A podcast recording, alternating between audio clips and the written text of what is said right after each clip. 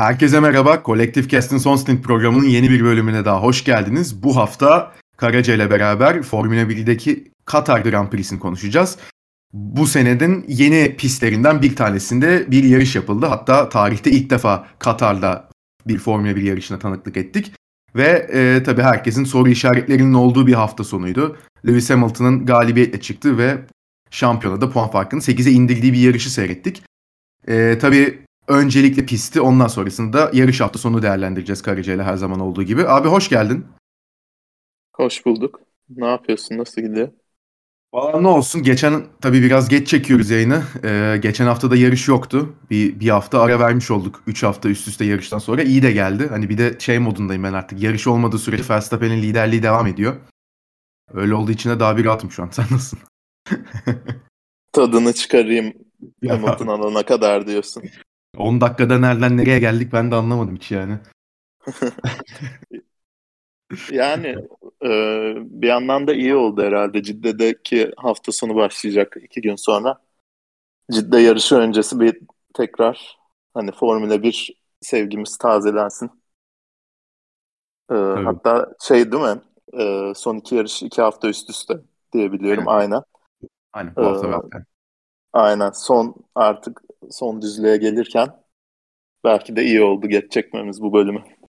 Aynen öyle artık zaten son iki yarış kaldı senin de dediğin gibi. iyice heyecanında doğru noktaya ulaştığı seviyelere geldik. Şimdi öncelikle tabii e, Katar'daki pistten bir kısa bahsetmek istiyoruz. Çünkü e, demin de dediğim gibi ilk defa bir Formula 1 yarışı yapıldı burada ve e, bu pistin tabii esas özelliği bir aslında e, MotoGP pisti olması ve hani bu yüzden de e, nasıl bir yarış olacağı açıkçası çok da kestirilemiyordu. Hani doğal olarak bu sene Mercedes ve Red Bull arasındaki kapışmadan dolayı ve tabii ki Lewis Hamilton Max Verstappen e, rekabetinden dolayı her pist öncesinde, her yarış haftası öncesinde e, belli tahminler yapılıyor.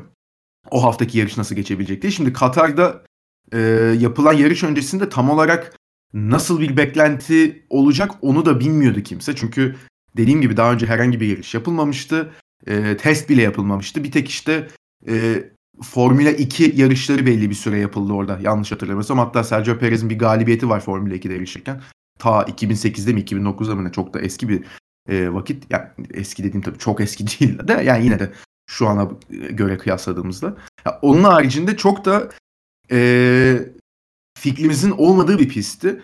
Ki zaten sen de hatırlayacaksın yarış hafta sonu öncesinde geçişin çok zor olacağı, arabaların birbirini takip etmesinin imkansıza yakın olduğu ve hatta e, Formula 2 arabalarının bile pistte yan yana duramadığı e, çok dar bir e, pist olduğundan bahsediliyordu. Yani tam aslında bir e, motosiklet yarışı, MotoGP pistiydi söylenenlere göre. Ama biz yarış hafta sonunda gördük ki bu e, her zaman olduğu gibi bu sezon içinde gördüğümüz gibi e, yine yapılan tahminler taca çıktı. Yani çok heyecanlı bir yarış belki seyretmedik evet ama e, mesela geçişin çok rahat oldu beklenenin aksine ve e, sürücülerin birbirini gayet rahat bir şekilde takip edebildiği.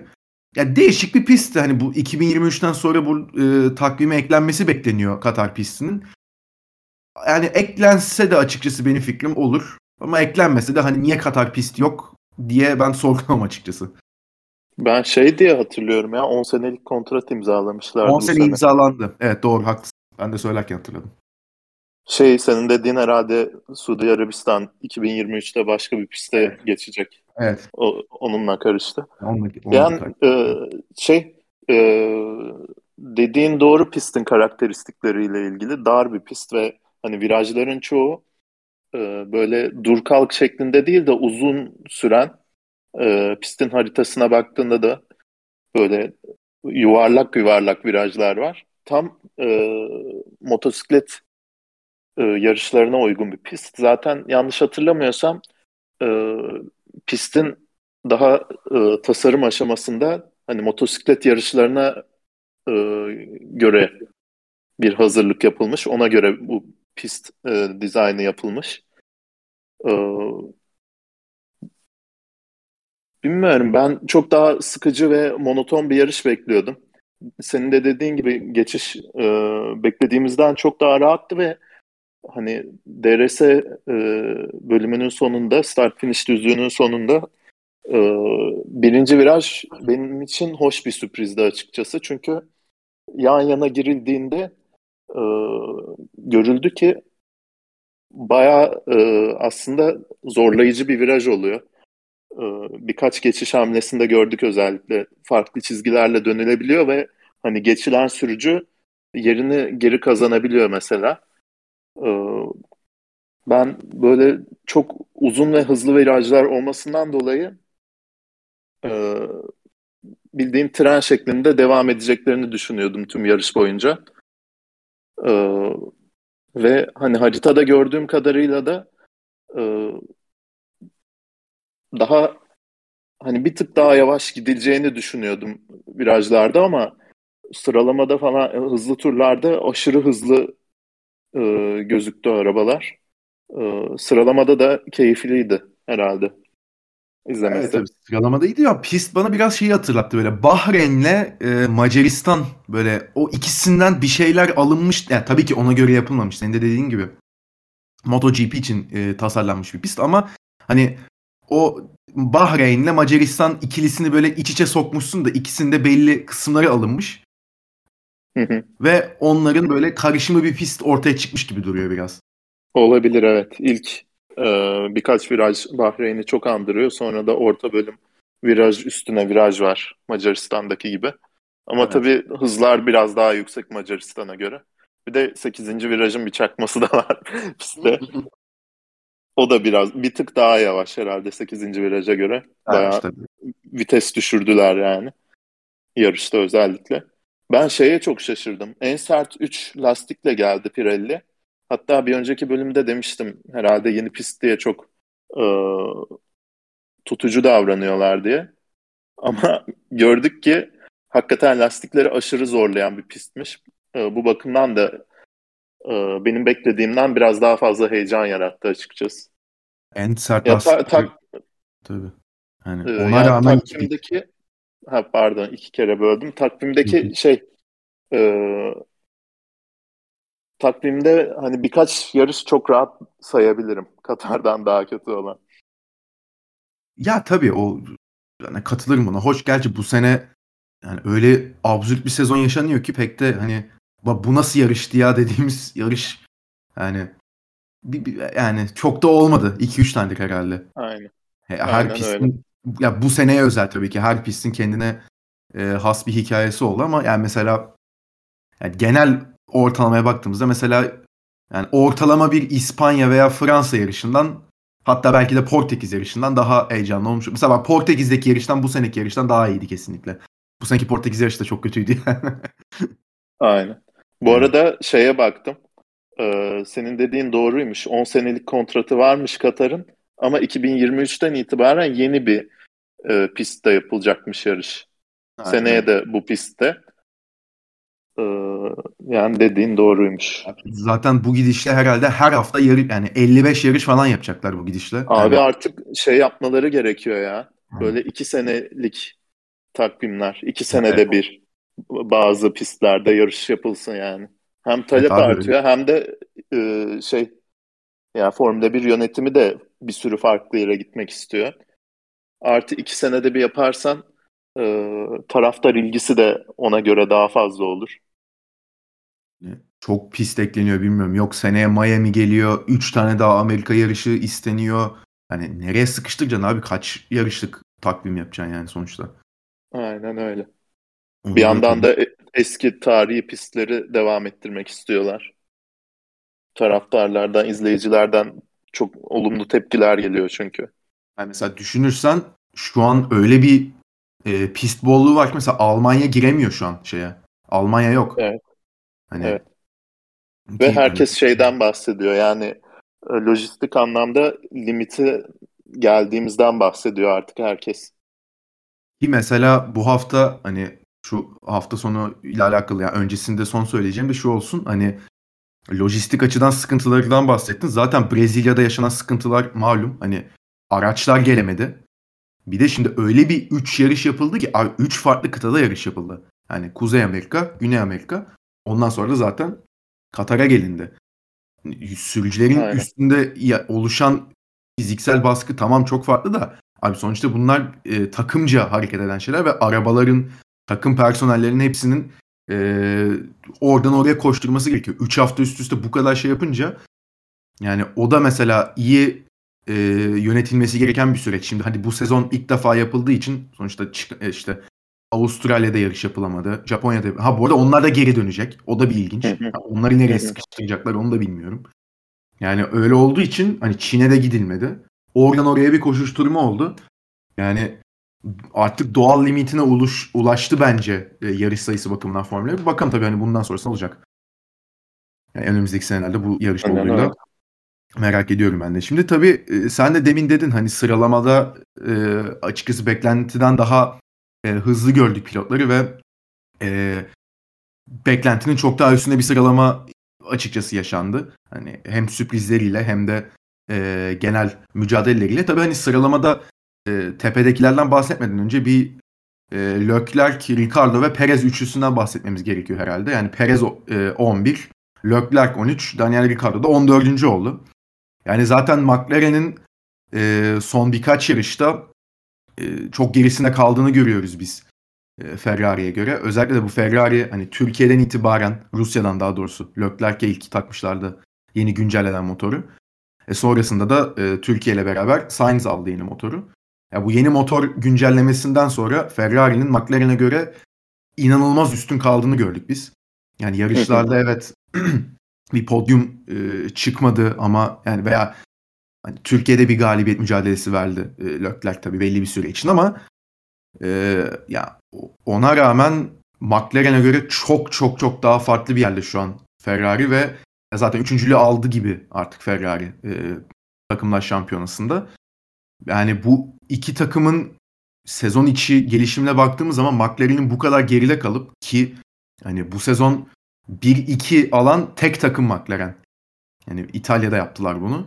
Yani orada yakaladıkları ivmeyi devam ettirememeleri ve Ferrari'nin geriden gelip bir anda bir fark oluşturup üçüncülüğü alması o, o herhalde çok ilginç bir konu şu an için.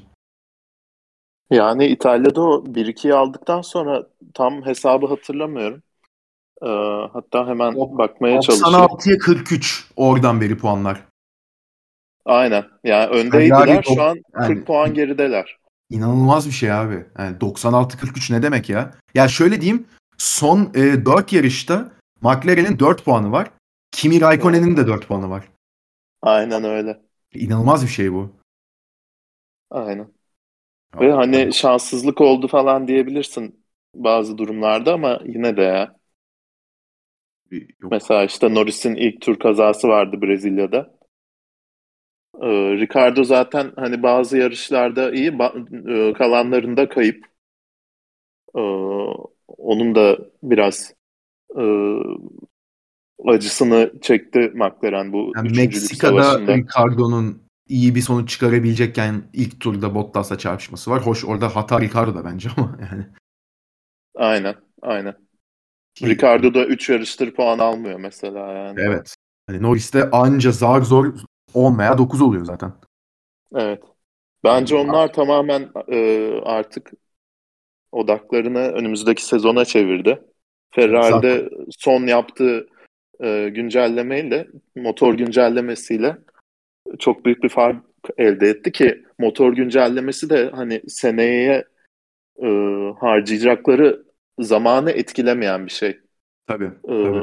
motor gelişimi çok daha kısıtlanacağı için önümüzdeki sene ve en dezavantajlı motor üreti- motor üreticisi konumunda oldukları için zaten her halükarda getirecekleri bir güncellemeydi ve e, sonuçlarını çok olumlu bir şekilde gördüler. E, yani pistten bağımsız bir şekilde artık e, en iyi üçüncü araba olarak gözüküyorlar. Evet Çok- artık Aşırı istikrarlı bir şekilde. Evet o noktaya gelmeleri tabii Ferrari açısından önemli. Hakikaten şu an e, hani en iyi üçüncü arabayız biz diyebili diyebiliyorlar ve hani sene sonuçta 2026'ya kadar aynı motorlar kullanılacağı için de e, o açıdan da çok e, iyi bir avantaj elde etmiş durumdalar şu an. Yani onun haricinde tabii sıralamada bahsedebileceğimiz e, Lewis Hamilton'ın pole aldığını gördük zaten. E, 0.6'lık bir farkla. Bu sezon e, en yüksek farkı elde etmiş oldu e, bir sürücü sıralama turlarında. Yani Daha doğrusu pole alırken öyle diyeyim. E, Verstappen 2 Bottas 3 oldu. Yani bu üçlü zaten hani uzun zamandır görmüyorduk ama yani yine bir araya gelmeye başladılar. Mercedes'in özellikle son e, birkaç yarışta getirdiği motor ve araç güncellemeleriyle. E, onun haricinde tabii hani bu hafta sonunun genel olarak yıldızlarından biri Fernando Alonso'ydu. E, beşinci oldu. Yani Pierre Gasly dördüncü oldu ama artık hani öyle bir noktaya geldi ki biz zaten Brezilya yarışından sonra e, Pierre Gasly hakkında konuşmuştuk. E, Meksika ve Brezilya'dan sonra. Ve hani kendisinin e, artık yani öyle bir noktadaki zaten bunu kaç kere söyledik daha önce hani arabanın çok daha üstünde performans alıyor. Hani araba ne durumda onu biz anlayamıyoruz noktasına geliyordu. Hoş e, Yuki Tsunoda da 8. olabildi. E, o da biraz da artık alıştıkça e, belli bir performans vermeye başladı. Onu, onu da görebiliyoruz ama hani Gazi'nin dördüncü olması burada ki hafta sonu boyunca Alfa Tauri'de özellikle Cuma zaten ilk e, antrenman turlarında da görmüştük. Çok hızlıydı. Yani bunu yarışa yansıtamadılar ama e, en azından sıralama kısmında e, gayet iyi bir performans verdiğini gördük biz Alfa Tauri'nin. Ve tabii ki Fernando Alonso da bu sezonki e, en yüksek grid pozisyonunu elde etmiş oldu. E, beşinci olarak. Tabii sonrasında daha da yükseldi. Ona birazdan geleceğiz ama yani onun haricinde e, tabii şeyden de bahsetmek gerekiyor bu arada. Hani Leclerc'in biz e, Q2'de elendiğinden e, konuştuk demin ama e, Leclerc'in de arabasında bir sıkıntı olduğunu yani daha doğrusu şaside bir problem olduğunu bir kırık tespit edildiğini e, söyledi Leclerc ve takım. Tabii bunu hallettiler ve pazar daha sorunsuz bir yarış geçirebildi bu sayede Ferrari. E, o zaten biraz ilginçti. Hani sıralama sırasında da Q2'de ilk turlar atıldı. Yani Leclerc saçma sapan bir tur attı e, Q2'de ve kendisi radyodan 2-3 kez ben ne oluyor anlamıyorum dedi. Yani e, Sebastian Vettel 10. bitirmişti e, Q2'ye. Pardon Carlos Sainz 10. bitirmişti. Ondan 0.2 gerideydi. Hatta yaklaşık 0.3 gerideydi Charlotte'ler. Hani ilk turunda zaten e, Q2'nin en kötü ikinci turunu attı. Yani George Russell'la yaklaşık çok e, benzer bir tur attı. Yani öyle olunca hani yani ne oluyor? Ferrari'de mi sıkıntı var? Leclerc mi pisti al- anlamadı? E, sorular gelmişti ama de- dediğim gibi şaside bir sıkıntı varmış. Onu e, elimine etmeyi başardı ve düzeltti Ferrari cumartesi günü. Yani son olarak da tabii hani Lewis Hamilton 0.6 ile poli aldı diyoruz. Burada e, beni daha da çok korkutan ve genel Formula 1 daha konu, kamuoyunu da daha çok korkutan şey e, Lewis Hamilton bu 0.6'lık farkı Brezilya'da taktırdığı yeni motorla yapmadı abi. Türkiye'de aldığı yeni motorla yaptırdı. ya, o açıdan hani e, gerçekten bir şeyler var. Yani arka kanat mevzusu çok konuşuluyor yine doğal olarak. Ya vardır yoktur onu ben teknik açıdan analiz edebilecek bir konumda değilim. Öyle bir e, maalesef yeterlilik görmüyorum kendimde ama yani ne olursa olsun e, hani sürücü ve araba şu an yine bizim bildiğimiz seviyeye geldi. Yani o birliktelik. Ve hani 0.6'lık fark. Bir de hani yeni roket motoruyla olmaması bunun e, korkutucu genel olarak. Evet ve hani e, Cidde'deki yeni pistte bir sürü hızlı viraja sahip. Hızlı virajlarda Mercedes çok kuvvetli. Düzlüklerde, yüksek hızlarda çok kuvvetli genel olarak. Cidde'nin de e, Mercedes'in domine edeceği bir pist olacağı düşünülüyor. E, bakalım. Yani bu ee, herhalde en, kalacak gibi. E, doğru tahmin çıkacak ya. İlk defa doğru bir tahmin yapılmış olacak herhalde ciddi yarışı için. Mercedes'i domine etmesi beklentisi. Aynen. Aynen öyle. Ya ben evet. şey demiştim Katar Red Bull için daha iyi olabilir demiştim ama tabii virajların biraz daha yavaş evet. dönüleceğini düşünmüştüm. Virajların çoğu hızlı viraj olduğu için hiç e, ya yavaş viraj sayısı 2-3'ü geçmiyordu herhalde Katar'da. Red Bull onlar da kuvvetli. E, böyle bir fark tekrar gördük. Dediğin gibi eski motor kullanmış olmasına rağmen Hamilton. Evet yani ona zaten... Ve son iki, son iki yarışa da e, yeni motorlarla gelecek sanırım Hamilton değil mi? Allah ya bir yarışta evet. kullandı. Öyle geliyor. Ya bakalım. Herkes herkes şimdi Hamilton diyor zaten. E tabi artık yani ivmelendi hani Max de baba rahat ya onu gördüm bilmiyorum. Geçen hafta şeye falan çıktı. Bu iRacing yarışına falan çıktı adam. Hı. Arkadaşı Hı. Discord'dan yazmış şey ben yarışa katılamayacağım da benim için şey söyledin sıralama turunu atar mısın diye. Ya baba ha, çıktı direkt zaten Ha baba çıktı direkt pol aldı zaten. Orada röportaj falan yaptılar adamla.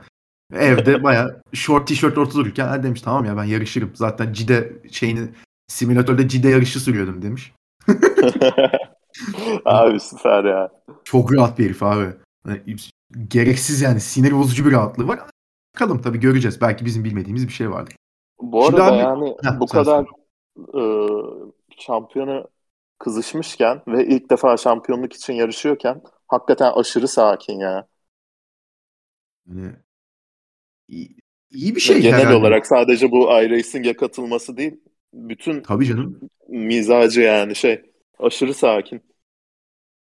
Evet yani bu kendi avantajına olacak mı? Bunu tabii son iki yarışta göreceğiz. Yoksa şey anlamında değil tabii ki ama boş vermiş gitmiş bir modda değil tabii ki kendisi ama şampiyon olamasam da daha önümde çok sene var yani. Bir, bir kere olurum zaten diyor adam. Aynen. İlginç bir kafa yapısı. Tabii e, sıralamadan sonra şimdi sıralamada biraz ben e, fazla konuştum. Şimdi burada sana bir soru sormak istiyorum. Çünkü yine sağ olsun FIA e, bize e, konuşabileceğimiz tartışmalı bir karar. Yani ne kadar tartışmalı tabii orası daha farklı ama e, Pierre Gasly sıralamanın sonunda e, bir kaza yaptı ve start finish düzlüğünde yani lastiği patladı. Direkt start finish çizgisinin üstünde durdu. Şimdi e, oraya gelirken orada e, bir saçmalık yaşandı pist üstünde. Şimdi, önce sarı bayraklar kalktı 3. sektör için. Sonra o sarı bayraklar indirildi. Yeşil bayrak kalktı. Bir sıkıntı yok diye. Sonra çift sarı bayraklar sallandı. Bu sefer birinci sektör için. O kalktı. Sonra tekrar sallandı. Hani orada zaten hani ben yayını seyrederken de ulan nerede ne kaza var derken Gazli'yi gösterdiler. Peki anladık. Gazli durmuş şeyin üstünde. Ama pilotlar turlarını atmaya devam ettiler. Ve e, yani Max Verstappen zaten bir kere derecesini geliştirdi. Onun haricinde bir 2-3 pilotun daha derecesini geliştirdiğini gördük biz. E, sıralama sonrasında 3 tane pilotun biz e, komiserler kuruluna çağrıldığını gördük. Bunlar Max Verstappen, Valtteri Bottas ve e, Carlos Sainz. Onun haricinde Q3'te tur atan diğer pilotların da e, bu sarı bayrak altında e, pedaldan ayaklarını çek yani gazdan ayaklarını çektiler mi çekmediler mi? Onlar tam belli değil. Yine 2-3 tanesinin belliydi ama yani mesela Lewis Hamilton turunu çoktan bitirdiği için herhangi bir e, şey konusuna tartışma konusuna dahil olmadı. O da yani nasıl bir şans ben onu da anlamıyorum yani adam ilk çıktı bu sefer gitti ilk attı turunu. Arkasından kaos oluştu. Her neyse ve e, pazar günü Hesaplanmıştı oğlum lütfen. yani ve pazar günü e, tabii bu 3 sürücü için Verstappen, Bottas, Sainz için 3 farklı karar çıktığını gördük biz. Yani Bottas tek sarı bayrağa uymadığı için 3 sıra grid cezası aldı. Max Verstappen çift sarı bayrağa e, uymadığı için 5 sıra grid cezası aldı. Carlos Sainz ise herhangi bir ceza almadı. E, dediğim gibi bu telemetri verilerine bakılmış. E, gazdan ayak çektiler mi çekmediler mi diye. Verstappen'in çift sarı bayrak sallanan yerde mor sektör derecesini elde ettiğini gördük. O yüzden bir ceza aldığı söylendi. Bottas'ın sarı bayraklar altında, tek sarı bayrak daha doğrusu altında yine e, telemetri verisine göre kendi turunu geliştirdi, kendi derecesini geliştirdiği için ceza aldığı söylendi. Sainz ise son sektörde ayağını gazdan çekmiş. Telemetri verisine dayandırarak tabii bunu e, karar veriyorlar. Bu yüzden de bir ceza almamış. Şimdi burada iki tane tartışma konusu var. Bir, sen e, cezalar hakkında ne düşünüyorsun? Tabii genel kamuoyunun e, düşünceleri tabii ki farklıydı. O bir ayrı konu. İkincisi ise biz e, cezanın yarış başlamadan 45 dakika önce açıklandığını gördük. Yani son grid pozisyonları 45 dakika önce açıklandı yarıştan. Ki normalde benim bildiğim 4 saat öncesinde e, provisional grid dedikleri hani yarışa başlangıç gridinin açıklanması gerekiyor ki her zaman da öyle oluyor. Ya bu geç açıklama çok büyük bir tartışma konusu oldu. Hatta şöyle diyeyim, şöyle bir karışıklık oldu. Bottas'la Sainz'ın yeri bel yanlış yazıldı önce. Gittiler grid üstünde yer değiştirdi Ferrari ve Mercedesler. Ya böyle bir şey oldu. Hani sen ne düşünüyorsun genel bu konu hakkında? Abi bence Bottas'la Verstappen'in cezalarında çok e, tartışılacak bir şey yok. Yani çift sarı bayrak olunca çok e, ciddi bir şekilde yavaşlaman gerekiyor. E, sarı, tek sarı bayrak olduğunda da gazdan ayağını çekmiş olman gerekiyor. Bu yüzden hani Bottas'a 3 sıra Verstappen'e 5 sıra verilmesinde bir sıkıntı yok bence. Verstappen'in yaptığı kurallara göre daha e, ağır bir ihlaldi.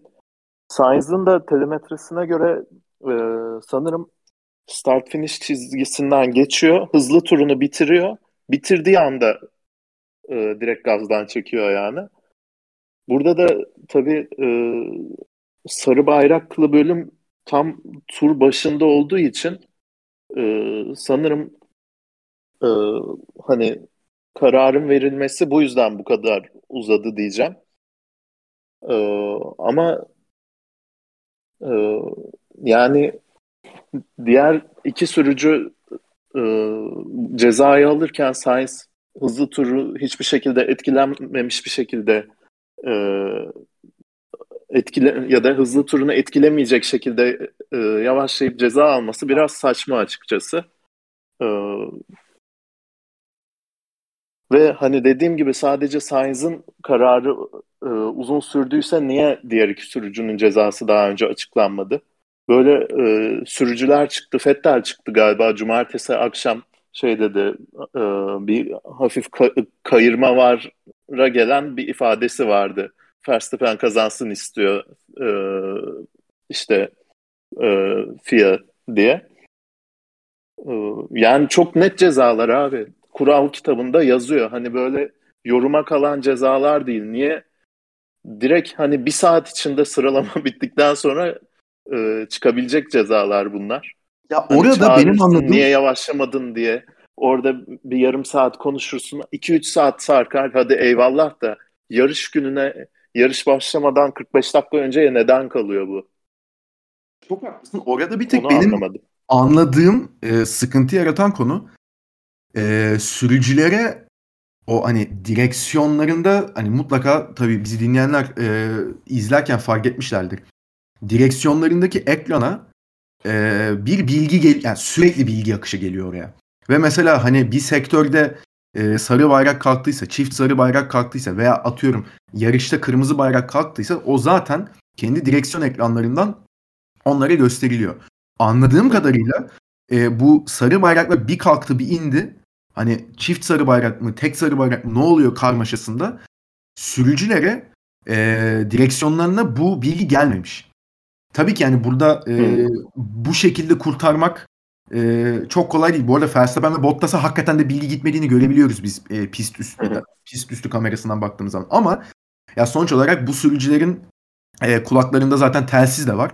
Radyo mesajı her saniye alan e, insanlar bunlar. E, ne olursa olsun hani yarış mühendislerinin onları bilgilendirmesi de e, sonuçta gerekiyor. Ya o yüzden hani bir tek e, direksiyon üstüne gelmediği de kurtarmak çok e, normal değil. Ben burada katılıyorum sana. İki tane yani verilen iki cezada çok haklı. Hani ve hani niye 3 niye 5 e, sıra ikisine farklı ceza kısmında da zaten hani tek sarı bayrakla çift sarı bayrak arasındaki e, fark ortaya giriyor zaten. Ya ama benim anladığım hani bu direksiyon üstü veri bilmiyorum ya herhalde oradaki bilgi akışındaki sıkıntıya baktılar diyeceğim ama ya ne olursa olsun abi yarış başlamadan 45 dakika önceye mi bırakılır bu iş ya? Abi evet yani e, cezayı veriyorsan bu iki sürücüye kural kitabında yazan cümle sarı bayrak e, pistin herhangi bir bölgesinde çıktıysa ve hani sürücü buradan geçiyorsa diye devam ediyordur. Hani onun ayrımı yapılıyordur. Sürücünün kullandığı direksiyonun üstünde ışıklar yan, e, yanarsa demiyordur diye tahmin ediyorum. E, kural kitabında. E tabi. Ve Ki hani bile... çok, çok net bir ifadedir. Gri bölgenin olduğu bir e, kural olduğunu sanmıyorum. Ve hani yeni yeni veri elde e, edeceğiz işte takım böyle itiraz ediyor bakıyoruz falan denilecek bir durum da yok. Yani 24 saat neyin verisini elde edebilirsin abi? Tamam takım söyler işte direksiyondaki ışıklar yanmadı. E tamam kuralda bu yazıyor. Direksiyondaki ışıkların yanmaması e, bir hata ama kural kitabı yine de ihlal edilmiş deyip cezayı tak diye verirsin yani. Aynen. Ya abi şöyle bir şey de var. Hani tamam direksiyona bu bilgi gelmiş olabilir. Dediğim gibi yarış mühendisi var. Hakikaten bayrağı sallayan insanlar var. Pist üstü bayrak var aynen yani. Ha, onu da geçtim. Zaten 10 metrede bir neredeyse e, pistin sağında veya solunda onu da görmüştür e, izleyiciler mutlaka. Böyle kare paneller var. o panellerde zaten Yanıp mesela sönüyor bir de yani. Aynen ya. Kaçırmamak, tabii kaçırmak imkansız. aynen öyle. Onlar da yanıp sönüyor. Yani hani o yüzden hani ve çok e, senin de dediğin gibi kural kitabında zaten e, ce- belli olan bir şey bu. Hani bu mesela, e, Lewis Hamilton'ın Brezilya'da aldığı ceza da öyle. Hani kural kitabında arka yani DRS kanadının ne kadar açılabileceği yazıyor. Ona uymuyor mu? O zaman cezadır. Sonucu bellidir. Veya mesela burada sarı bayrak altında sen tu- turunu mu geliştirdin? Abi ne olursa olsun. Hani sarı bayrak var ve sen burada turunu geliştirdin. Yani yapmaman gereken bir şey yaptın. Cezasına 3 sıra, cezasına 5 sıra. Ya bu kadar Hani bak senin dediğine de şöyle e, Sainz konusuna tamamen katılıyorum. Abi Sainz'ı uzat. Verstappen'le Bottas'ın durumu çok açıktı. Benim Hı hı. esas sıkıntı yaşadığım nokta o zaten. Aynen onları açıkla. Evet. Karar verilmişse onları açıkla. Sainz'i sona bırak yani. Niye hepsini birden bekletiyorsun? Bir de kaç kişi çalışıyor abi? Ne kadar zor olabilir telemetri verilerine bakmak yani. Aynen. Brezilya'da da mesela tam tersini yaptılar. Hani hep e, geç karar veriyorlar diyoruz. Verstappen'in işte Hamilton'la olan e, kaza değil de ikili mücadelesinde ön kamerayı görmeden karar vermişler abi. Şak E diye hani ne oldu? Ne oldu? E, e, elimde bütün veriler olmadan karar vermeyeyim. Hipotezi ne oldu yani? Şak Abi bu- diye şey e, hani e, no investigation necessary dediler. Bu arada oradaki yani o e, ön kamerasına bakamadık biz Verstappen'in skandalı da abi ya for, şeyde aylık e, 5 dolar vererek e, seyrettiğin Formula 1 TV yayınında her sürücünün pilot kamerasından seyrediyorsun yarışı abi. Ne Aynen. yani saçmalamayın. Çok zor bir şey değil. Neyse yani FIA yine e, ilginç e, kararlara, ya daha doğrusu karar değil de e, prosedür olarak yine ilginç işlere imza atmayı başarabildi. Ya bilmiyorum Michael ile tabii ki devam edecek ama ya belli bazı şeylerin değişmesi gerekiyor. Bunu herhalde zaten Jean Todt da e, Ross Brown da düşünüyordur herhalde. Ama biz sonuçta Netflix'e Netflix'e laf ediyorduk abi. Biraz aşırı dramatize ediyorlar diye. Abi. Formula 1 yönetimi sağ olsun. vallahi Ee, ya. Netflix e, belgeseli aşırı dramatize etmiş olmasın diye sporun kendisini de aşırı dra- dramatik bir hale getirdi yani. Biri geçen şey yazmış Reddit'te çok güldüm. Bu gidişle hani e, şampiyona 6 ay sonra kas davasıyla bitecek falan. Olabilir abi vallahi. Yani hakikaten oraya gidiyor. Neyse bu e, şey- kazalar sonucunda tabii yeni bir grid dizilimi oluştu. E, ondan da bahsetmek gerekiyor. Pierre Gasly kaza yaparak e, kendisini ikinci sıraya atmış oldu bu sayede. O da çok ilginç oldu tabii. E, yani Fernando Alonso 3. sıradan, Lando Norris 4'ten, Sainz 5'ten, Bottas 6'dan, Verstappen de 7'den başlayacak bir duruma geldi. Şimdi Max Verstappen'in tabii 7'den başlaması e, biraz tabii panik havası yaşattı doğal olarak. Çünkü hani kendisi zaten e, daha doğrusu Lewis Hamilton çok güçlü gözüküyordu pistte. Onu geçtim hani Gasly'si, Alonso'su, önünde Bottas var. Hani Sainz'la Norris nasıl e, dayanacak? Çok e, bir de yarış başında hani e, demin de dediğimiz gibi bilmiyorduk geçişler nasıl yapılabilecek. Hatta biz geçişlerin yapılamayacağını öngörüyorduk. Ya, o yüzden Verstappen açısından e, çok sıkıntılı bir yarış olacağını ve hatta e, Lewis Hamilton'ın burada neredeyse puanları eşitleyip öne geçme şansını bile olabileceğinden bahsediliyordu. Ama ve lakin yarış e, startında Verstappen direkt bunları zaten elimine ederek e, önündeki 3 aracı direkt Norris'i, Sainz, Bottas'ı e, ilk viraja gelmeden geçmeyi başardı. Bottas e, felaket bir kalkış gerçekleştirdi. Direkt 11. sıraya düştü. E, ya kendisinin ben anlamıyorum abi. Bir Brezilya'da iyi gözüküyor. Bir yok oluyor. Meksika'da pol alıyor. Sonra kayboluyor falan. Anlamıyorum Bottas'ın durumunun ne olduğunu ben. E, Norris'le Sainz zaten birbirleriyle kapışmaktan genelde etraflarını görmüyorlar. Bunu e, Brezilya'da da görmüştük. Biz burada da e, Verstappen direkt onları geçmiş oldu. Startta bir tek tabii hani Lewis Hamilton e, orta hamurla başladığı için arkasında Gasly ve Alonso'nun yumuşak hamurla bir atak yapabileceğinden e, o yapabileceği olasılığından konuşuluyordu. Hiç öyle bir şey olmadı. Lewis Hamilton direkt hani hamle bile yaptırmadı ikisine. Alonso ama Gasly'yi geçti. İkinci sıraya attı kendisini. Alonso'nun biz- geçişi de inanılmaz Abi- bu arada. Dışarıdan geçiyor ikinci virajda. Alonso şeyini Alonso da büyük Max Verstappen falan diyoruz da bir çarpıyordu onu gördüm? Aynen aynen direkt yani orada aman abi dedim yani as, pist dışına taşıdı zaten Verstappen'i. Kum havuzundan çıktı adam. Ben Verstappen'in o e, Alonso'nun hamlesini o kadar net bir şekilde öngörebilmesine de çok şaşırdım. Öyle bir sağa doğru kırıyor ki viraj için çünkü Alonso. Yani çok net temas olabilirdi orada. Evet. Orada hani Alonso da hani şey demiş ya baba tamam sen şampiyon oldun dur bir dakika ya diye orada biz de boş değiliz deyip direkt hani şey yaptı orada. Ondan sonrasında tabii hani biz e, zaten 5 tur içerisinde e, Verstappen'in yine ikinciliği de aldığını gördük. Yani orada Gasly'yi... Harika bir kalkıştı bu arada. Çok iyi. şey yapmadık da. Yani üçüncülüğü alabilirdi. Alonso'nun yanına geliyordu öyle sıkıştırmasa ikinci, ikinci viraja gelirken. E, ikinci başlasa geçebilir miydi sence Lewis'i? Bence geçebilirdi. Ya yarışı kazanıp... Aynı startı alsa geçerdi. Ama Bak, pistin kirli tabii. bölümünden kalkmış olacaktı ikinci evet. başlasa. Ya yarışı kazanabilirdi demiyorum. Ama ya en azından e, bir kendisine avantaj yaratabilirdi gibime geliyor. Startta geçebilirdi evet. Yani evet startta Ama dediğim gibi. Pistin kirli tarafının da çok dezavantajlı olduğunu gördük yani. Gazli geçildi işte. Sen de orada. Ee, aynen. Ee, tabii üçüncü turda Gazli'nin yol verdiğini gördük biz Max Verstappen'e. Hani bunun ne kadar etik olup olmadığı da bir biraz tartışıldı. ne nesi etik değil abi Allah aşkına ya. Abi yani Yol bence... da vermiyor yani. DRS'yi açmıyor sadece. Ha. Bu arada şey ben de şeyi gördüm. Hani bu kadar özellikle Mercedes fanları laf etmişti. Abi hani Valtteri It's James diye bir kalıp var abi bu sporun içinde. Yani yapmayın etmeyin ya. Ya hadi bu ayrı takım diye biraz daha farklı bir durum da şey de olmuştu yani. Russell da mesela direkt yol vermişti Bottas'a önceki yarışlarda. Bottas arkadan tırmanıyorken. E, şeyde Meksika'da e, Bottas en hızlı tur atabilsin diye Russell Aynen hava koridoru yarattı falan yani. DRS verdi yani. Aynen öyle. Anladım. Bu arada ya. arkada da aynı turlarda Perez de Sunoda'yı geçerken Sunoda da DRS açmadı. O konuşulmadı mesela. Abi evet ya. Bir iki bunlar... tur falan fark vardı Gazli Verstappen geçişinin. Ardından. Bunlar var abi. Yapacak bir şey yok yani. Sporun içinde bunlar var. Hani Tabii aynı, ki abi. Aynı takım olmasalar da yani ortak çıkarları olan yani. takımlar yani. Aynen abi. O yüzden çok da hani üstüne ne kadar tartışılır o da bir ayrı. E, on, sonrasında bir da gözlemdir. Geçin yani abi.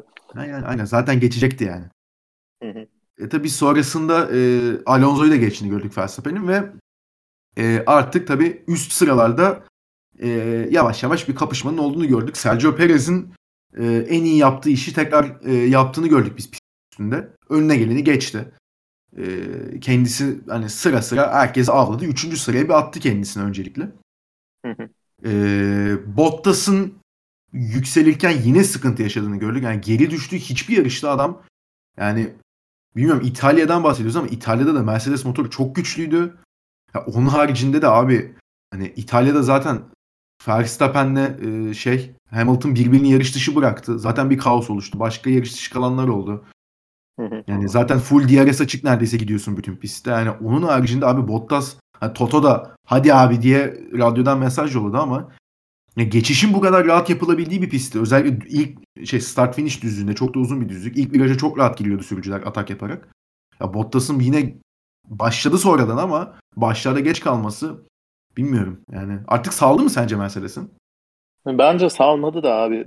Ya bazı yarışlarda gerçekten çok sönük performanslar gösteriyor. Şimdi geçen hafta da ya da iki hafta önce de e, Formula 1'in resmi podcastine konuk olarak katıldı Beyond the Grid'e. Orada da demiş Hamilton'la aramdaki en büyük fark e, Hamilton'ın her yarış e, maksimum performansını göstermesi e, işte off hafta sonlarının çok nadir olması diye. Kendi de farkında yani istikrar konusunda gelişmesi gerektiğinin. Bu arada o bölümü e, şiddetle tavsiye ediyorum. Baya hani Bottas, e, Bottas benim sürücü olarak çok um, umumda olan bir adam değildir yani. Ama hakikaten keyifli bir e, sohbet. E, dinlemesi çok keyifli. Öneriyorum. Evet onu ben de açıkçası dinleyeceğim bugün spora gittiğimde. ee, yani o, şimdi... Ama şey dediğin gibi arka e, saptım konudan biraz şey yaptım da e, geçemedi abi kimseyi. Ya Perez 11. başladı. Çok e, çok daha rahat bir şekilde önündekileri geçti. Startta da öyle çok net bir avantaj yakalamadı. Kaç sıra kazandı ilk turda hatırlamıyorum ama Kazandı abi. hani yarışın devamında tek tek geçmesi gerekti. Ya. Üçüncülüğe tırmanması için. Abi bir sıra ara kazandı Perez. Perez arka O da- arkayaydı.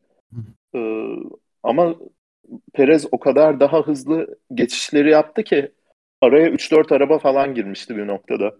Tabii zaten benim de demek istediğim o hani Perez bir sıra kazandı startta. O da Bottas arabayı kaldıramadığı için startta 11.liğe düştü. E, Perez öyle bir bir sıra kazandı zaten. 10-11 Yani onlar- oldular yani. Tabii tabii ilk ilk iki turda zaten onlar arka arkaya giderken ondan sonra Perez teker teker geçmeleri başladı ki hani Hamilton'ın e, sıralamada da yarış temposunun ne kadar güçlü olduğunu görmüştük biz. Yani Bottas'ta da herhalde aynı araba vardır diye düşünüyorum ama yani Yani mutlaka e, Hamilton'ın arabası daha iyidir de yine de Hı. abi şey de değil hani e, geçişini daha kolaylaştıracak bir ayar vardır Perez'de diyebilirsin de Mercedes düzlükte uçuyor abi. evet Yani- abi. Yani Genel arabanın kendisi geçiş çok daha kolay yapabilecek bir durumda. aynen aması fakatı yok yani bu işin. Şimdi biz tabii Aynen öyle. e, bu ilk 5-6 turdan sonrasında Hamilton'ın yine bir e, 10 saniyelik fark oluştuğunu gördük Max Verstappen'e göre. Yani biz yarış öncesinde zaten sen de e, sert lastiklerin getirildiğinden bahsetmiştin. Hani iki pit zaten e, beklentisi vardı. Pirelli'de iki pit yapmasının sürücülerin ve takımların daha uygun olacağını zaten belirtmişti yarış öncesinde. Yani Max Verstappen hani 17. turda ilk pitini yaptı ama hani arada öyle bir fark vardı ki abi pek undercut'lık bir durum yoktu yani. Hani arada 4-5 saniye olsa belki işe yarayabilirdi ama yani mesela orada da eee, bütün kararları Hamilton'a bıraksalar Hamilton bence şampiyon olamazdı abi. Öyle ilginç bir eee, fikrim var benim. Çünkü Verstappen 17. turda pite girdi. Çıktı. Tamam undercut diyorsun da arada 11 saniye mi ne fark vardı o sırada. Hamilton dedi ki beni daha pite almayın. Ama Mercedes doğal olarak yani arada öyle bir fark vardı ki direkt hani sadece rakibinin yaptığına reaksiyon vermesi yetebilecek bir farkı oluşturmuştu zaten Lewis Hamilton. 18. turda Hamilton'ı pite aldılar. Pite girerken adam hala çok erken aldınız daha çok devam edebilirdi falan. Abi yani bir tek pite zorlamanın hiçbir manası yok. Zaten rakibine göre reaksiyon verip zaten pitten çıktı Hamilton. Hani 11 saniyelik fark 8 saniye oldu. Tekrar ona çıkarlı ondan sonra. Ya o yüzden bu takım şeylerinde biz sezon başı Mercedes'in biraz e, biraz değil hatta bayağı sıkıntı yaşadığını görmüştük ama onlar da kendi ritimlerini buldu ve hani bence Hamilton'ı bu son birkaç yarıştır e, strateji anlamında iyi toparlıyorlar. Rusya'da Norris'in yaptığının aynısını yapacaktı az kalsın. Hamilton. Evet abi. Hamilton'a bıraksalar aynısı olacaktı yani. Adam yarışı kazandı. Ee, takım işte çok ısrarla pite çağırdığı için. Ki bu Daha arada sonra abi da ka- kaç tane örnek oldu yani son birkaç yarışta. tabii ki bu arada tek pit yapmaya çalışanların sonunda gördük biz bu yarışta. Evet. Ya Yani- Hamilton pist şey griddeki lastiklere en iyi bakan sürücü olduğu için hani belki e, yapmayabilirdi. Lastiği patlamayabilirdi ama yine de çok e, aşırı lastik koruma moduna girdi. Lastikleri patlamayanlar bile tek stop yapanlar arasında. Risk almasına hiçbir gerek yoktu orada yani. Gayet Mercedes bence yapması gerekeni yaptı. Hiç Aynen. Zaten şey yok. çok aşırı derecede lüksleri vardı yani. Aynen öyle. Risk almayacak stratejiyi yapmak için. Aynen öyle. Orada bir, e, erken pit konusunda bir tek mesela Sergio Perez 19. turda girdi pite.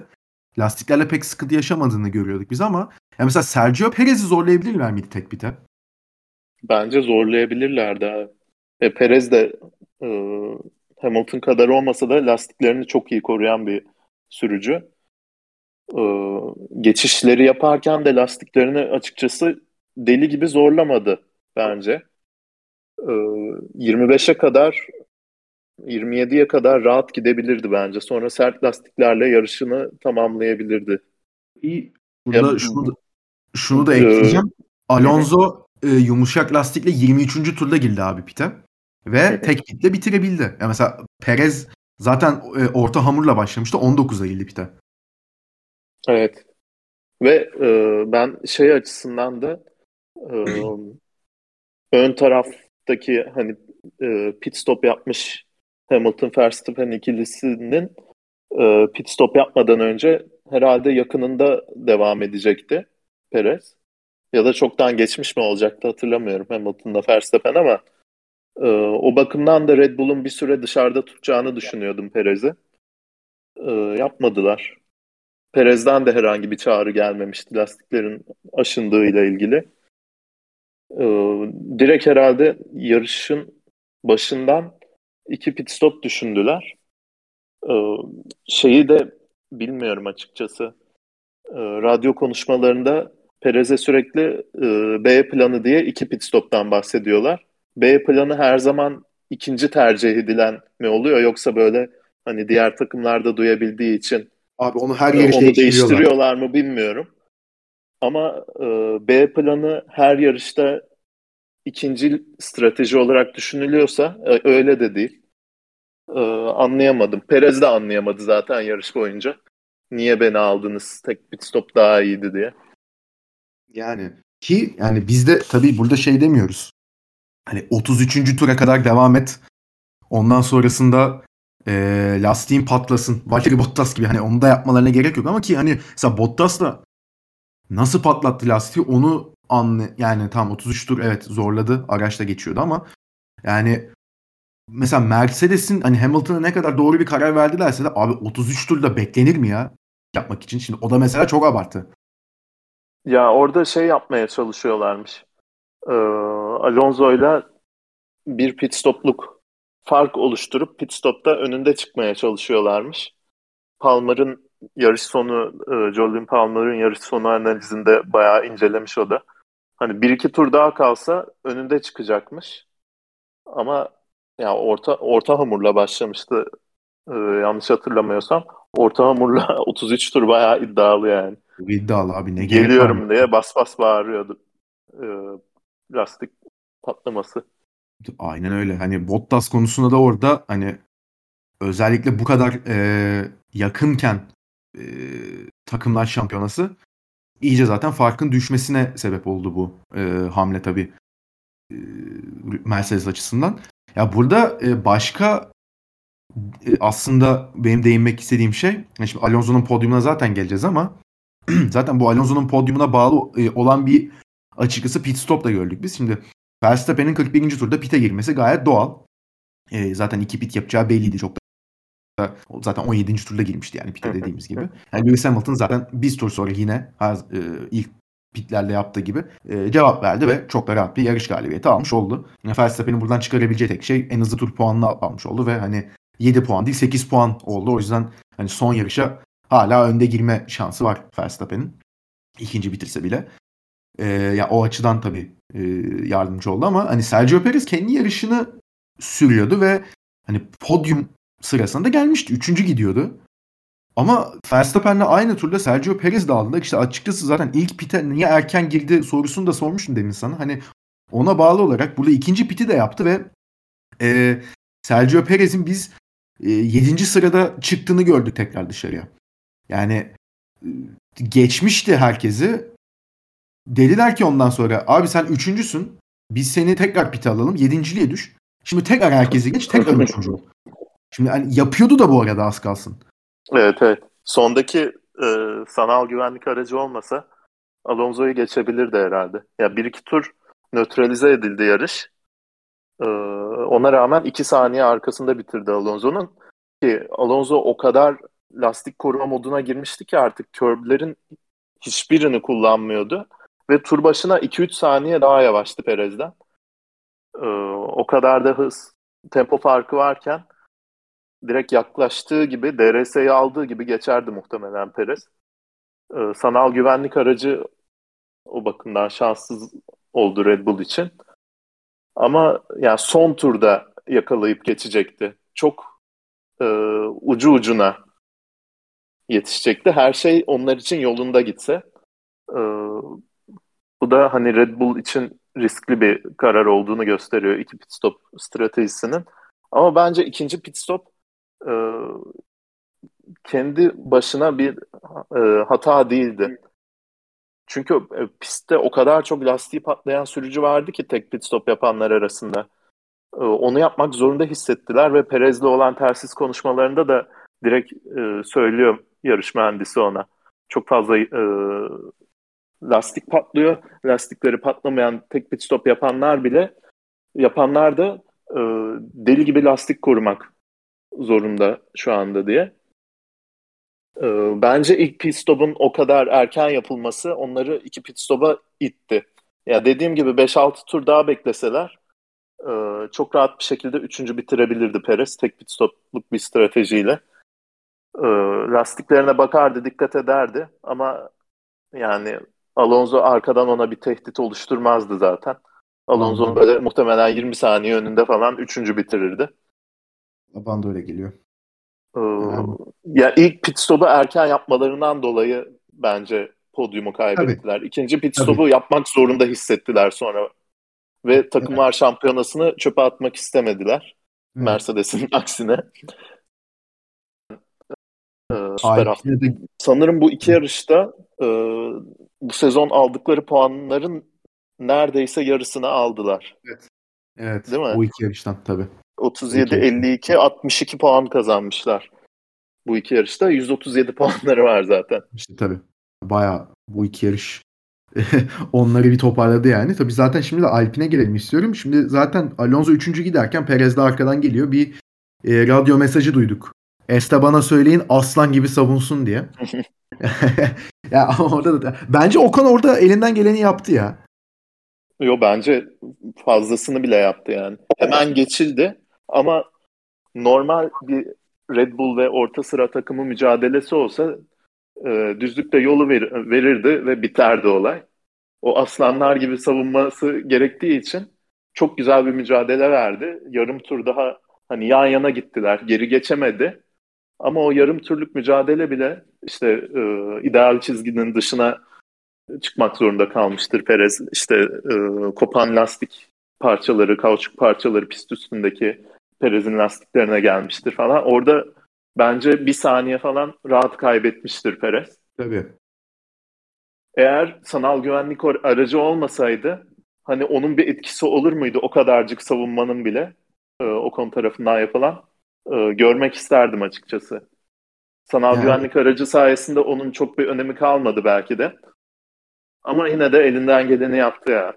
ya bir de Macaristan'da e, diğer türlüsünü gördük işte. Hamilton'ı 10 tura yakın tuttu Alonso mükemmel savunarak ama Macaristan geçişin ya. imkansız olduğu bir pist yani.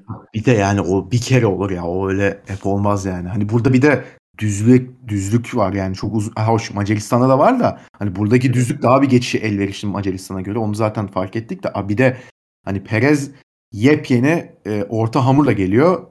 Şey Ocon orada 15-16 turluk e, sert hamurla yani yapabileceğini bence yaptı artık orada da. Ne yapsın adam yani?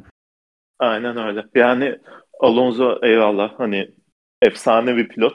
Ama Alonso da aynı konumda olsa o da e, çok büyük bir savaş veremezdi Perez'e karşı. Tur belki. Çok büyük bir yani, yani ama düzlükte direkt yanına gelmişti ki bile. Sen de haklısın. Belki içeriği savunabilirdi. Hani çok böyle e, şey yaşlı kurt hamlesi gelebilirdi. Direkt arabayı fırlatırdı ilk viraja. Olabilir. Yani bir tur belki e, daha arkasında tutabilirdi. Ama daha fazlası değil bence. Değil evet. Yani öyle pek kolay bir şey değil yani. Konu Bu arada bu son... olunca o, ha, o. Kurt, kurt hamleleri asla şey yapamıyorsun. Tabii Alonso'nun şey yapamıyorsun yani. Bu arada bu kadar lastik patladı. Hani bak Bottas'ın patladı. Lando Norris'in patladı. Gasly'nin patladı. Russell'ın patladı. Şeyin ee, Latifi'nin. Latifi'nin patladı. Abi ya bir tane mi güvenlik aracı çıkmaz ya? Ya abi nasıl çıkmaz ya? Ben onu da anlamıyorum abi. Hani nasıl olmuyor abi bu? hani nasıl hepsi patlak lastikli pite gelebiliyor ya? Hepsi bir de böyle fıs diye patladı yani. Hiçbiri böyle olay çıkmadı yani.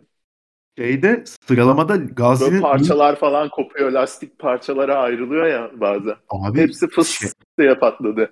Ya evet şey işte sıralamada Gazi'nin sol ön mü sol arka mı ne patladı. Ön kanadı bıraktı adam. Burada hepsi tıngır mıngır gitti şey. O anlamıyorum ki. Hani bir tane bir safety car istedik. Gelmedi ya. O çok sinir bozucu yani. O inanılmaz bir şey. İşte VFC geldi. Kapanacak. Abi Aynen, orada evet. ara kapanmıyor ki. Evet evet. Yani o tabii VSC geldi. Ya bu VSC'nin gelmesi de açıkçası hani sen de söyledin tabii onun da etkisi tabii ki çok var. Onu hani e, yatsıyamayız ama e, ya zaten hani Lewis Hamilton yarışı kazandı. Verstappen ikinci oldu. En hızlı turu aldı artık. Onlar hani e, zaten hani bugün gün doğdu demek gibi bir şey artık da Fernando Alonso'nun 12. Ha? defa Verstappen Hamilton bir ikisini görmüşüz. e, totalde de 19 olmuş. En çok Aynen. beraber şey yapanlar zaten e, işte 22 ile ilk şey kim onu hatırlamıyorum. Artık onu 20 geçecekler. ile Schumacher'le Barrichello, 19 Hamilton Rosberg var. Farklı takımlardan en ıı, farklı takımlardan iki sürücü bu net en çok sanırım. Zaten şeye bak Verstappen'le Hamilton da 1-2 şey 1-2 19 defa yapmış. zaten o şeye baktığında mesela Hamilton, Verstappen, Bottas'ta en çok e, rastlanan ilk üç. Onu biliyorsun. Hani bu sene Aynen aynen. Evet, Geçen evet. sene sağ olsun. E, tabii hani bu Aynen, yarış bu sene, sonunda, geçen sene. bu yarış sonunda hepimizi yani bütün neredeyse Formula 1 kamuoyunu hani e, mutlu eden bir Fernando Alonso podyumda gördük. Hani 41 yaşında Tabii Formula, ki. 1'in Formula 1'e geri dönüp podyum alması da abi valla her türlü takdiri hak ediyor ya. El Plan diye bir olay varmış. Bir de onu da öğrendik. Abi inan çok gülüyorum ona ya. Bu arada kendisi de o meme'in farkında biliyorsun değil mi? Dün işte ya şey onu zaten bilerek demiştir baştan ya. abi çok komik iki gün önce işte Ballon d'Or ödülleri verildi. Hani e, Alpine'den Ocon'la şey gitti. E, Alonso gitti ödül törenine. Hani böyle kasklarla şunlarla ödülü getirdiler falan. Kendi fotoğrafını paylaşmış işte burada ne düşünüyorum diye. İşte dört tane şık var. Biri el plan hani. Alonso'nun bu böyle keyifli hali ya ben daha önce söylemiştim. Alonso benim öyle en sevdiğim 5 pilottan biriydi. Hatta sevmem kendisini. Ama eee, yani tabii ki çok büyük bir sürücü. Bunu asla eee, buna karşı bir şey söylemiyorum ama ya kendisinin keyifli görmek mesela o gün de e, sıralama turu sonrasında yarış sonrası olabilir yanlışsam düzeltirsiniz ama e, şey dedi hani sabaha kadar sürebilirdim arabayı ya çok keyifliydi dedi. Hani bu halde görmek Alonso'yu beni mutlu ediyor. Yani mutlu bir Alonso hakikaten e, performans açısından da etrafına yaydığı enerji açısından da bence çok keyifli izlemesi. Aynen öyle. Mutlu bir Vettel de öyle. Mutlu bir Alonso da öyle. Aynen Başka öyle. gridde bu kadar hani e, mutlu oluşunun herkesi etkilediği başka bir sürücü hatırlayamıyorum şu an.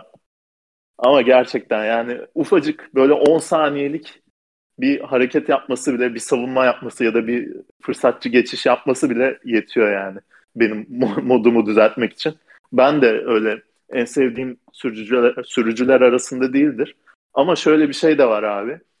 Ee, Reddit'te böyle 2016'da falan bir paylaşım görmüştüm. O sıralar e, böyle sürekli istatistiksel analiz yapıp keyif için paylaşan bir adam vardı. Ee, adam tek tek 1950'den Formula 1'in başladığı sezondan beri arabalar eşit olsa kim şampiyon olurdu bunun analizini yapmış.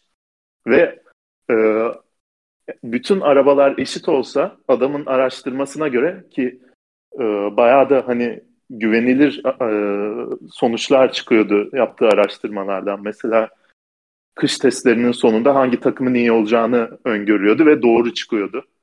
Böyle bir sürü Formula 1 medya e, markalarının yanlış bildiği şeyleri bu adam doğru biliyordu.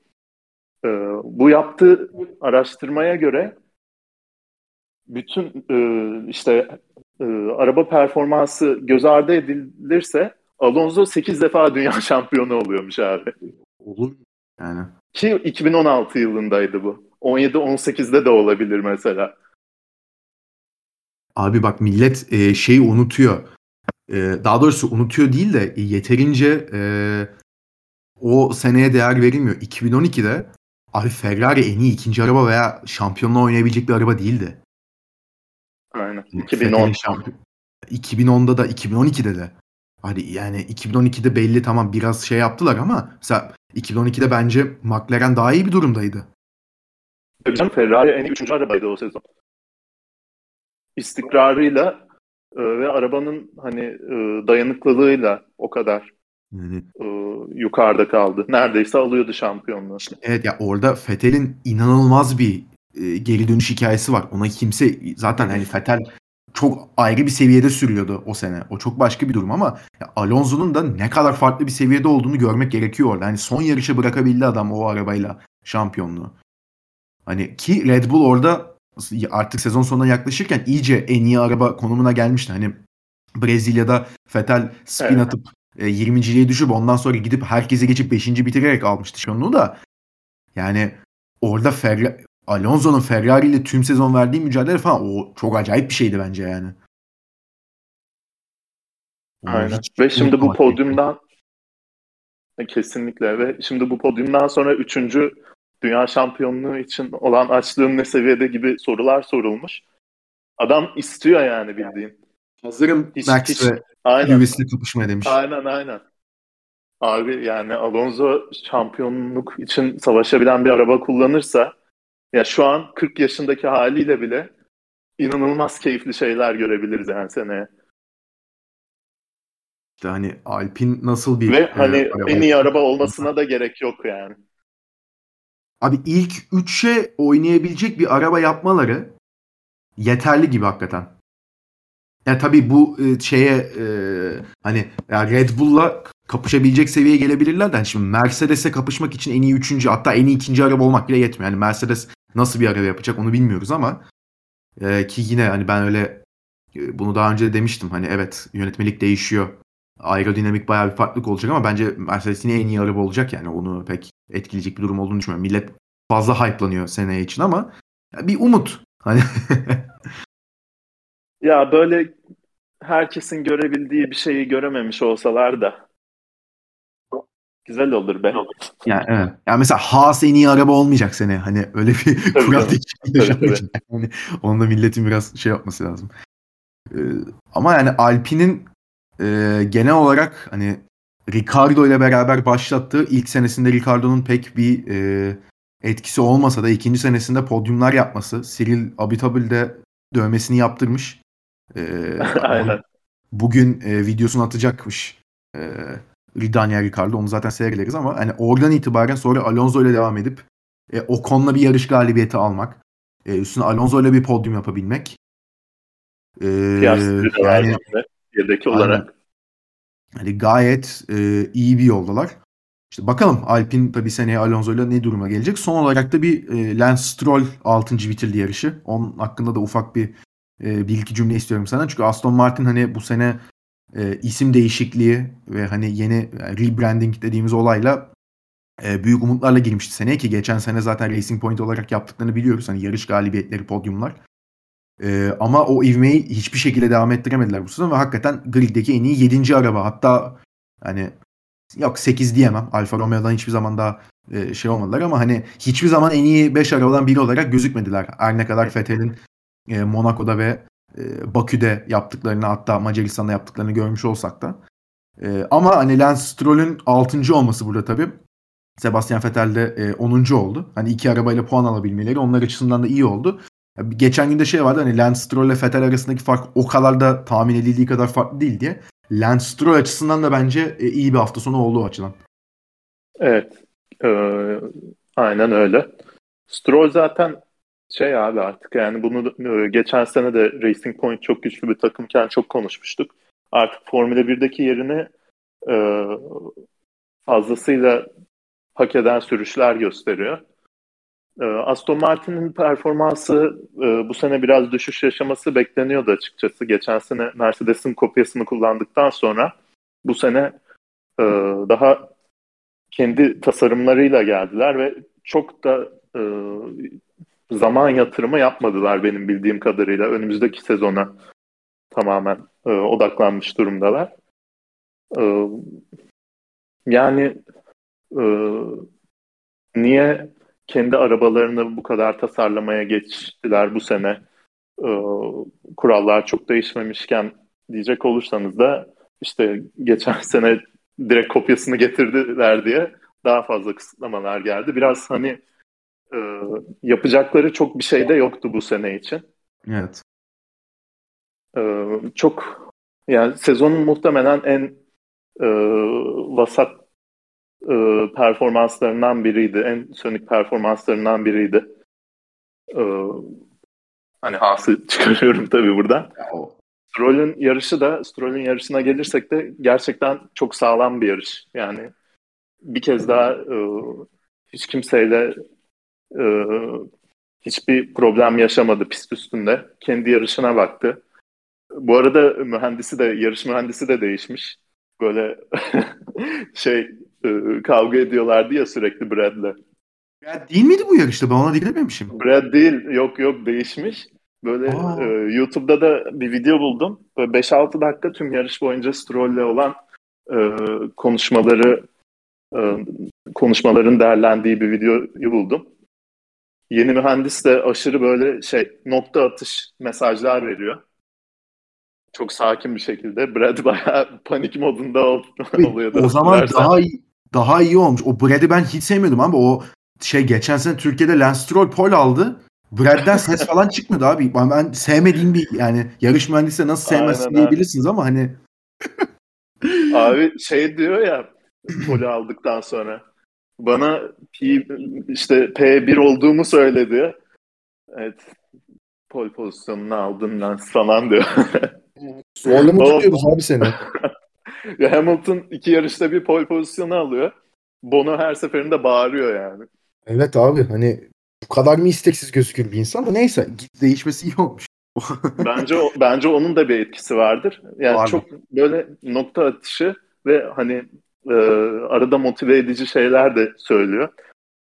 E, yarış boyunca işte e, mesela son 5-6 tura girerken e, yarış mühendisi lastikleri korumaya devam et gibi bir şey söylüyor. Ya da e, benzin tasarrufu yapmaya devam et diye. Stroll orada bir geriliyor. Devam et derken ben korumuyordum ki gibi bir şey söylüyor. Tamam tamam iyi gidiyorsun böyle devam et. Biraz koru diye hemen durumu e, sakinleştiriyor. Brad onu yapar mıydı bilmiyorum mesela. Ya Brad kızardı muhtemelen. Ne yaptın sen ya? Aynen. Dinamik tabii. Yani böyle bir Katar hafta sonunu geride bırakmış olduk ve iki yarış kaldı. Bu zaten e, iki güne de Cide hafta sonu başlayacak. Şimdilik e, sürücüler klasmanında Max Verstappen'in 8 puanlık üstünü devam ediyor. Bottas e, 3. sırada şu an. Hani Sergio Perez'in 13 puan önünde. Yani kapanır mı bilmiyorum. Hani belli de olmaz. Kapanabilir ya. Bottas'ın sağ solu belli olmuyor. Bottas'ın sağ solu bir, hakikaten belli olmuyor. Ee, yani Norris ile Leclerc arasında hatta Sainz'la katalım oraya. Bir acayip bir beşincilik mücadelesi var orada. Leclerc tabii son yarışlarda biraz daha performansını arttırdığı için şimdilik Sainz önünde duruyor ama yani Ricardo 8. kaldı artık ama hani bizim tabii artık bu saatten sonra e, son iki yarışta doğal olarak full e, konsantremiz e, şampiyona olacak. Hı hı. Takımlar sıralaması. Takımlarda da 5 puan da zaten aynen ve hani üçüncülük ve beşincilik mücadeleleri yakın diyorduk. Onlar da artık şekillendi evet. gibi biraz. Onlar hani matematiksel neredeyse. olarak şart, evet. şansları var ama yani o çok şey değil ama artık hani iş hakikaten ya öyle bir şeye geldik iş hani Formula 1 sürücüleri ve takımları bile hani Red Bull'a Mercedes olmayanlar babalar biz son iki yarış sizi izleyelim hadi sahne sizin dedi. Çoğu şeyi hallettiler kendi aralarında. Şimdi hakikaten sahne e, Toto Wolff'ün, Christian Horner'ın, Verstappen'in ve Hamilton'ın. Ya bakalım hani ciddi hafta sonu öncesinde e, Mercedes daha güçlü gözüküyor, Lewis Hamilton daha güçlü gözüküyor ama yani e, Brezilya'daki motoru biraz zorladı ve bu pistin de e, motoru bayağı yoracak bir pist olduğundan bahsediliyor. Ama ben Lewis Hamilton'ı biliyorsam yani finish çizgisine gelirken e, patlayacaksa patlar motoru. Araba kendi ivmesiyle e, geçer o finish çizgisine birinciliği alır. Ama tabii hani e, son olarak zaten 1 saat 10 dakika olmuş. Son bir sorum olacak sana. E, bu pistle alakalı özellikle. Bana Cide pisti biraz tehlikeli gözüküyor. Yani özellikle bu bu kadar e, hız, hızlı virajın olduğu ve yani 3 tane DRS alanı var. O da bir ilginç. Bir cadde pisti için çok ilginç yani. Çok geniş bir pist de değil. E, bariyerler direkt zaten hani pistin içinde. E, ben açıkçası bol kırmızı bayraklı, hani bol kazalı bol lastik patlatmalı, ön kanat kırmalı bir sıralama ve akabinde de yarış bekliyorum. Sen ne düşünüyorsun? Ee, aynen. Bence de Bakü tarzı kaotik bir yarış olacaktır. Ama Bakü'deki e, yani kırmızı bayrakların, olayların e, çoğu e, yavaş virajlarda da oluyor. Yavaş virajın bol olduğu bir pist orası. Burada çok fazla 6. 7. viteste gidilecek e, ve kör virajlar var. Hani umarım şey gibi bir durum olmaz. Biri spin atar, pist çizgisi işte ideal çizgi üstünde kalır ve hani arkadan gelen biri o kör virajda böyle yandan çarpmalı falan. Umarım bir durum olmaz. Kimsenin sağlığına bir şey olmaz umarım. Hani e, bayrakların çıkışında falan bir sorun olmaz bu Katar'da olduğu gibi. E, onun dışında yani benim e, bu Cidde pistinin takvime katılmasıyla ilgili çok daha büyük sorunlarım da var yani. Onu haftaya Ee, gireriz istiyorsan. aynen Benim aynen. de var çünkü. Yani. Ee, bakalım yani çok bir e, şeyim yok, umudum yok. Ben tamamen zaten kendimi şu an Abu Dhabi'deki yarışa odaklamış durumdayım yani. Bu hafta Ee, hani ya tabii şey olursa dediğimiz gibi hani bir yani Verstappen'in bu hafta şampiyonluğunu ilan etme şansı var. Hani bir de olacakmış gibi paylaşıyor Formula 1 sayfası falan. Saçmalamayın abi olmayacak öyle bir şey de yani. Aynen. e, hani tek hani Cide pistinin e, önemli e, olabilme durumu bence o olur. Yani onun haricinde öyle hani e, çok açıkçası kafalarda veya gönüllerde yer edebilecek bir yer olduğunu düşünmüyorum ben de. Bunu zaten haftaya. Zaten yer edecek olsa bile seneye son yarış yapılacak Aynen, orada sonra başka bir piste geçilecek. başka- Aynen öyle. O zaten. Bu arada şey diyeceğim, şimdi aklıma geldi. Katar'daki yarıştaki seyirciler aşırı fake gelmedi mi sana? Böyle kamera yakından gösterip e, bir anda kameraya böyle bağırıyorlar ama kimin destekledikleri belli değil. Sadece bağırıyorlardı ve bayrak sallıyorlardı böyle. Bayraklı 2-3 kişi vardı. Çeko pist üstünde geçirirken Çeko diye bağırıyorlardı falan. Hani Ya sanki oraya böyle e, satın alınıp konulmuş insanlar gibiydi. Bana öyle geldi. Zaten 7800 Öyle olamaz. taraftar varmış. yani hepsi tabii ki öyle olamaz da ben de e, bir kısmının öyle olduğunu fark ettim. Bir tane adam da şey bir tek sinirlenmiş. Hakikaten yarışa giden Katarlı bir adam Reddit'e post koymuş. Yani. Hani ben kendim sevdiğim için şeye gittim. Millet beni plastik fen olarak şey yapıyor. Abi bir durun hayatı böyle değil yani. Bir sakin olun ben benim suçum ne yani falan demiş. Haklı o tabii hepsi öyle olamaz ama. Bakalım yani Biraz- Katar'da böyle bir hafta sonunu geride bırakmış olduk. Şimdi dediğimiz gibi Cide ve Abu Dhabi yarışları kaldı. Şampiyonu artık belirleme vakti de geldi Formula 1'de. Bakalım nasıl iki hafta sonu bizi bekliyor. Abi ağzına sağlık. Çok teşekkürler. Senin de öyle. Ben teşekkür ederim. Böylelikle de bölümün sonuna geliyoruz. Cide yarışından sonra sizlerle tekrar görüşmek üzere. Hoşçakalın.